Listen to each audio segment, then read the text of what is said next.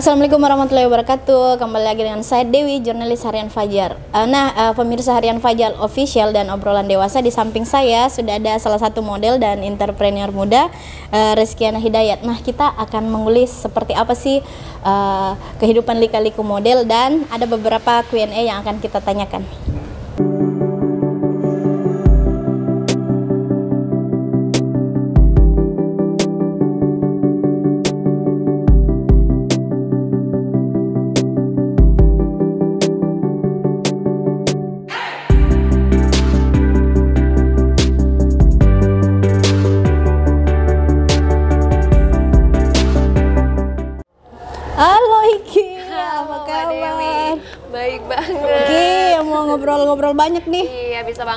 Mbak. Um, it's your dream.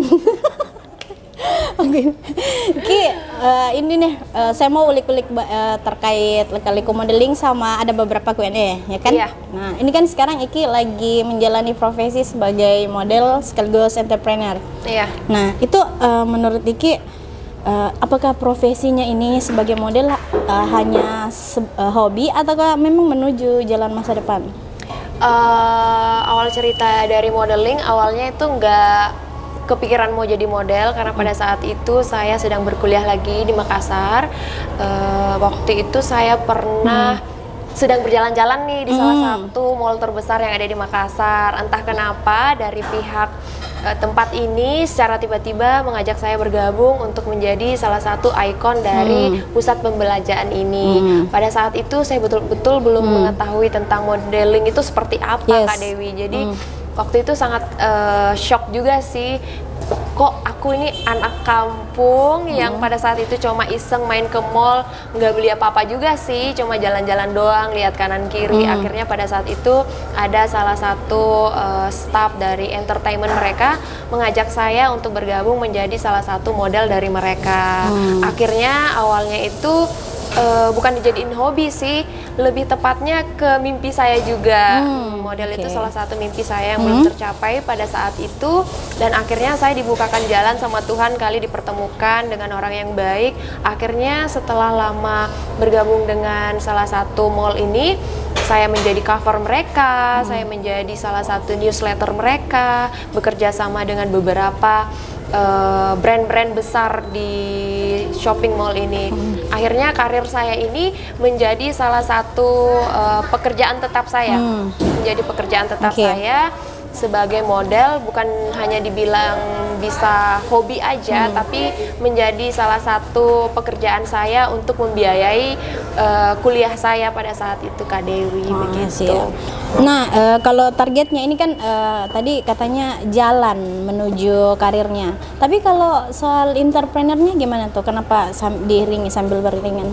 Pada saat itu saya juga eh, sebagai salah satu staff yang ada di shopping mall ini, jadi double job ini Kak Dewi. Oh, jadi iya, setelah iya. jadi model, mereka meminta saya untuk menjadi salah satu staff mereka. Mungkin karena mungkin saya punya ada kelebihan, jadi saya double job di sana. Akhirnya saya memutuskan setelah bekerja beberapa bulan di sana, saya memutuskan untuk membuat brand saya sendiri.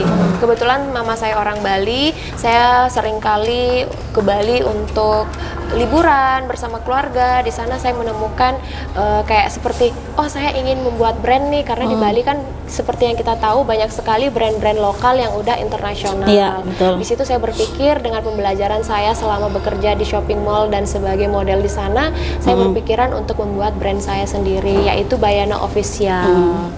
Nah, oke ini kan eh, saya lihat standar hidupnya Iki model entrepreneur. Nah, itu eh, kira-kira eh, gaya hidupnya Iki yang seperti apa sih? Misalnya yang paling banyak budget misalnya. Banyak budget bisa dibilang banyak budget karena pada saat ini saya juga punya staff, harus bayar tempat eh, sewa gudang, harus bayar eh, pengrajin saya juga, banyak hal-hal yang harus saya keluarkan untuk eh, saat ini. Terutama saya juga salah satu tulang punggung keluarga saya di mana saya punya dua adik dan orang tua saya juga berpisah. Jadi saya harus eh, kerja keras untuk keluarga saya dan saya juga punya nenek di mana nenek saya ini adalah eyang Nenek saya punya mama, jadi masih hidup beliau uh, mungkin umurnya sekitar 100 tahun. Dan sampai saat ini saya masih membantu beliau merawat beliau dengan memberikan uh, perawatan serta apa yang beliau butuhkan. Saya coba membantu sebanyak atau sedikitnya itu saya sekedar membantu. Alhamdulillah sampai sekarang saya bisa uh, menjadi tulang punggung buat keluarga saya dengan usaha-usaha saya, dengan kerja keras saya dan mimpi-mimpi saya yang belum tercapai Kak Dewi. Nah itu kan eh, dari segi banyaknya tanggungan, Iya. eh, kemudian eh, gaya hidup yang memang mungkin harus dipenuhi. Nah berapa sih kira-kira eh, idealnya untuk penghasilan yang perlu Iki dapatkan dalam sebulan? Kalau penghasilan ya eh, itu kan kalau saya kerja juga di bidang eh, entrepreneur ini, Yes. Hmm. kadang itu ada pasang surutnya juga Kak Dewi. Hmm. Kadang saya eh, tidak tercukupi juga ya Hmm. buat pemirsa-pemirsa ini mungkin lihatnya wah Rizkyana ini stylenya bagus, orangnya model, usahanya followersnya udah banyak dipakai artis-artis entah itu internasional Hmm. ataupun kita di nasional. Eh, itu banyak lika-likunya juga Kak Dewi Hmm. karena di saat COVID-19 ini banyak sekali orang yang kehilangan pekerjaan, ekonominya juga menurun. Hmm. Jadi saya semaksimal mungkin bagaimana cara saya meningkatkan produk-produk saya Hmm. menjadi kualitas yang baik agar eh, tetap ada di jajaran Hmm. yang eh, eh, di mana eh, produk saya laku. Saya Hmm. juga tetap bisa memproduksi eh, banyak new new collection. Jadi saya mempertahankan eh, apa namanya produk saya itu dengan mengupgrade hampir tiap bulan agar eksistensinya itu berada di tengah-tengah.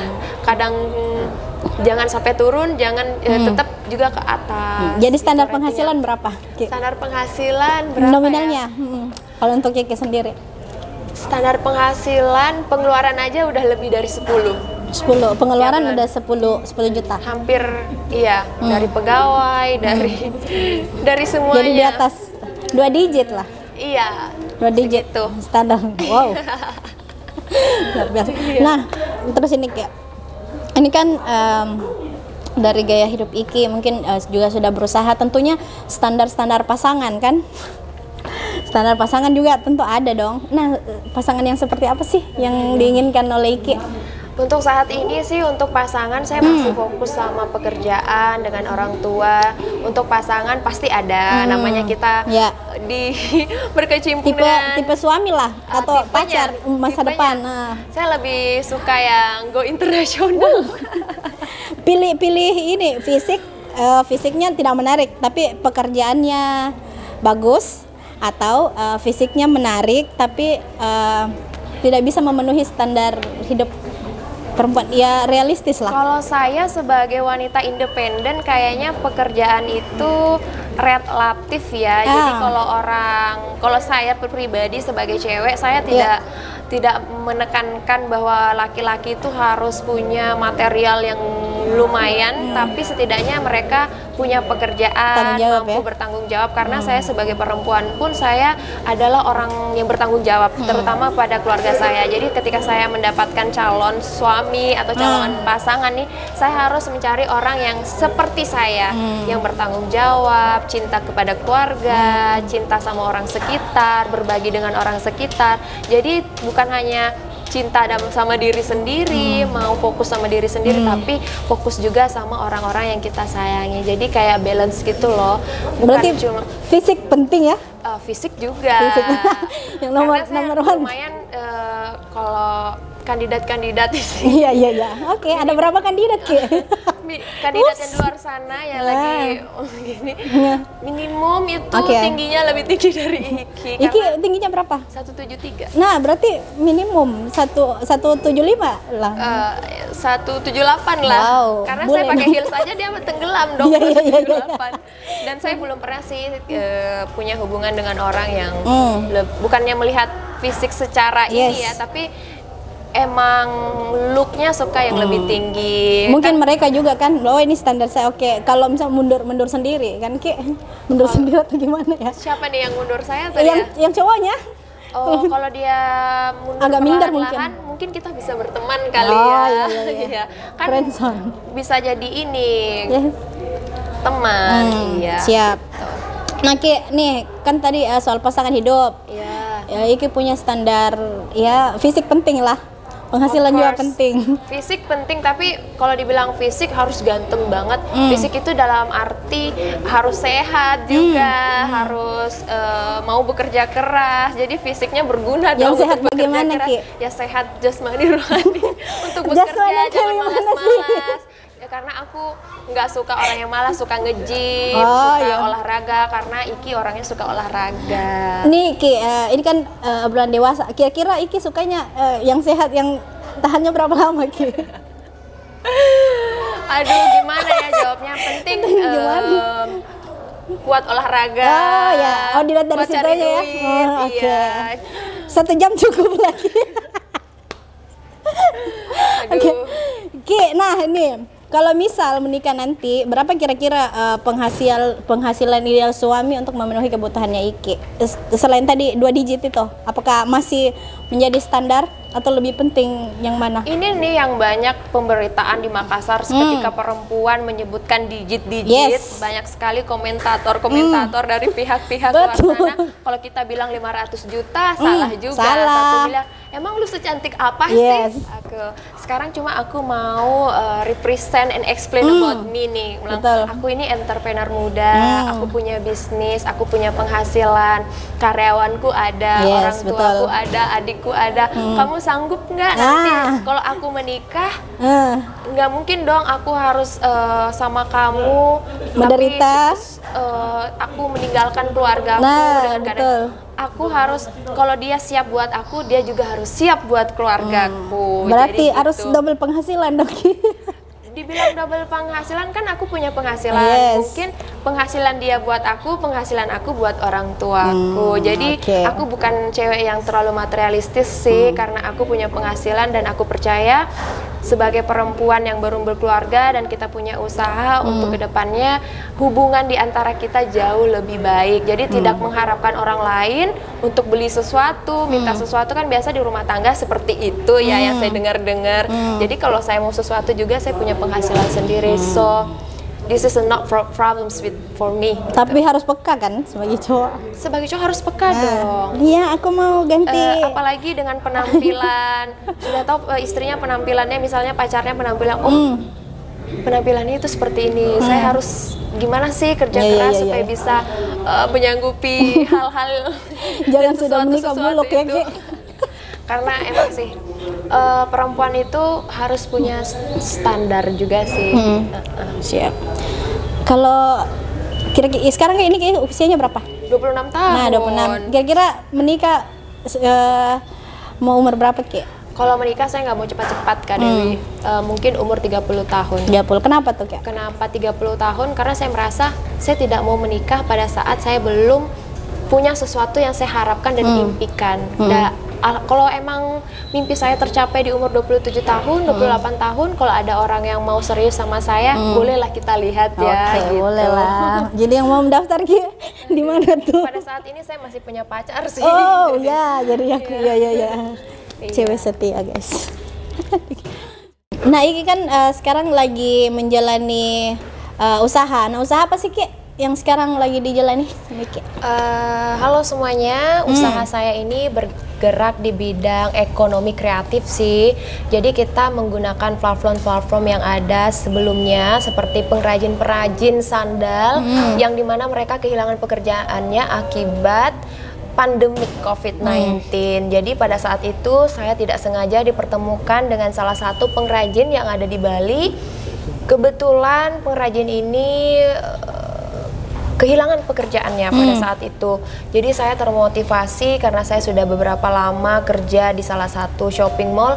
Kenapa sih kalau kita nggak buat kerja sama nih Ya. untuk membuat suatu brand yang lebih new, lebih modern? Karena setahu saya pengrajin ini tuh cuma buat flat-flat sandal yang bohemian itu kan, Iya, iya. yang ya rate-nya mungkin 40.000 ribu, 50 ribu, tapi saya coba ngomong sama mereka untuk membuat brand yang lebih new, lebih modern, tapi eh, harganya juga masih standar untuk masyarakat Indonesia. Jadi kak eh, usaha saya ini bukan cuma di Bali, tapi udah merambat sampai Singapura dan Malaysia. Salah satu contohnya adalah sandal ini. Nah, sandal ini itu 100% dibuat oleh orang lokal dan 100% handmade dari orang lokal untuk produk lokal. Makassar kapan Ki? Makassar insya Allah sebelumnya sudah pernah masuk ke sini Hmm. ke Makassar tapi karena eh, agak susah nih kargonya. Kadang orang Hmm. Oke. mau beli hari ini tapi barangnya baru sampai dua minggu karena kita Hmm. sebenarnya nggak bisa kirim barang banyak-banyak untuk ready stock ya. Kalau Hmm. memang ada orang yang mau pesen sandal lewat eh, pemesanan via sosial media Hmm. mereka harus eh, pengiriman dari Bali sih kak karena memang base kita ada di Bali gitu. Kalau untuk galeri Makassar ada rencana tidak? Bukan.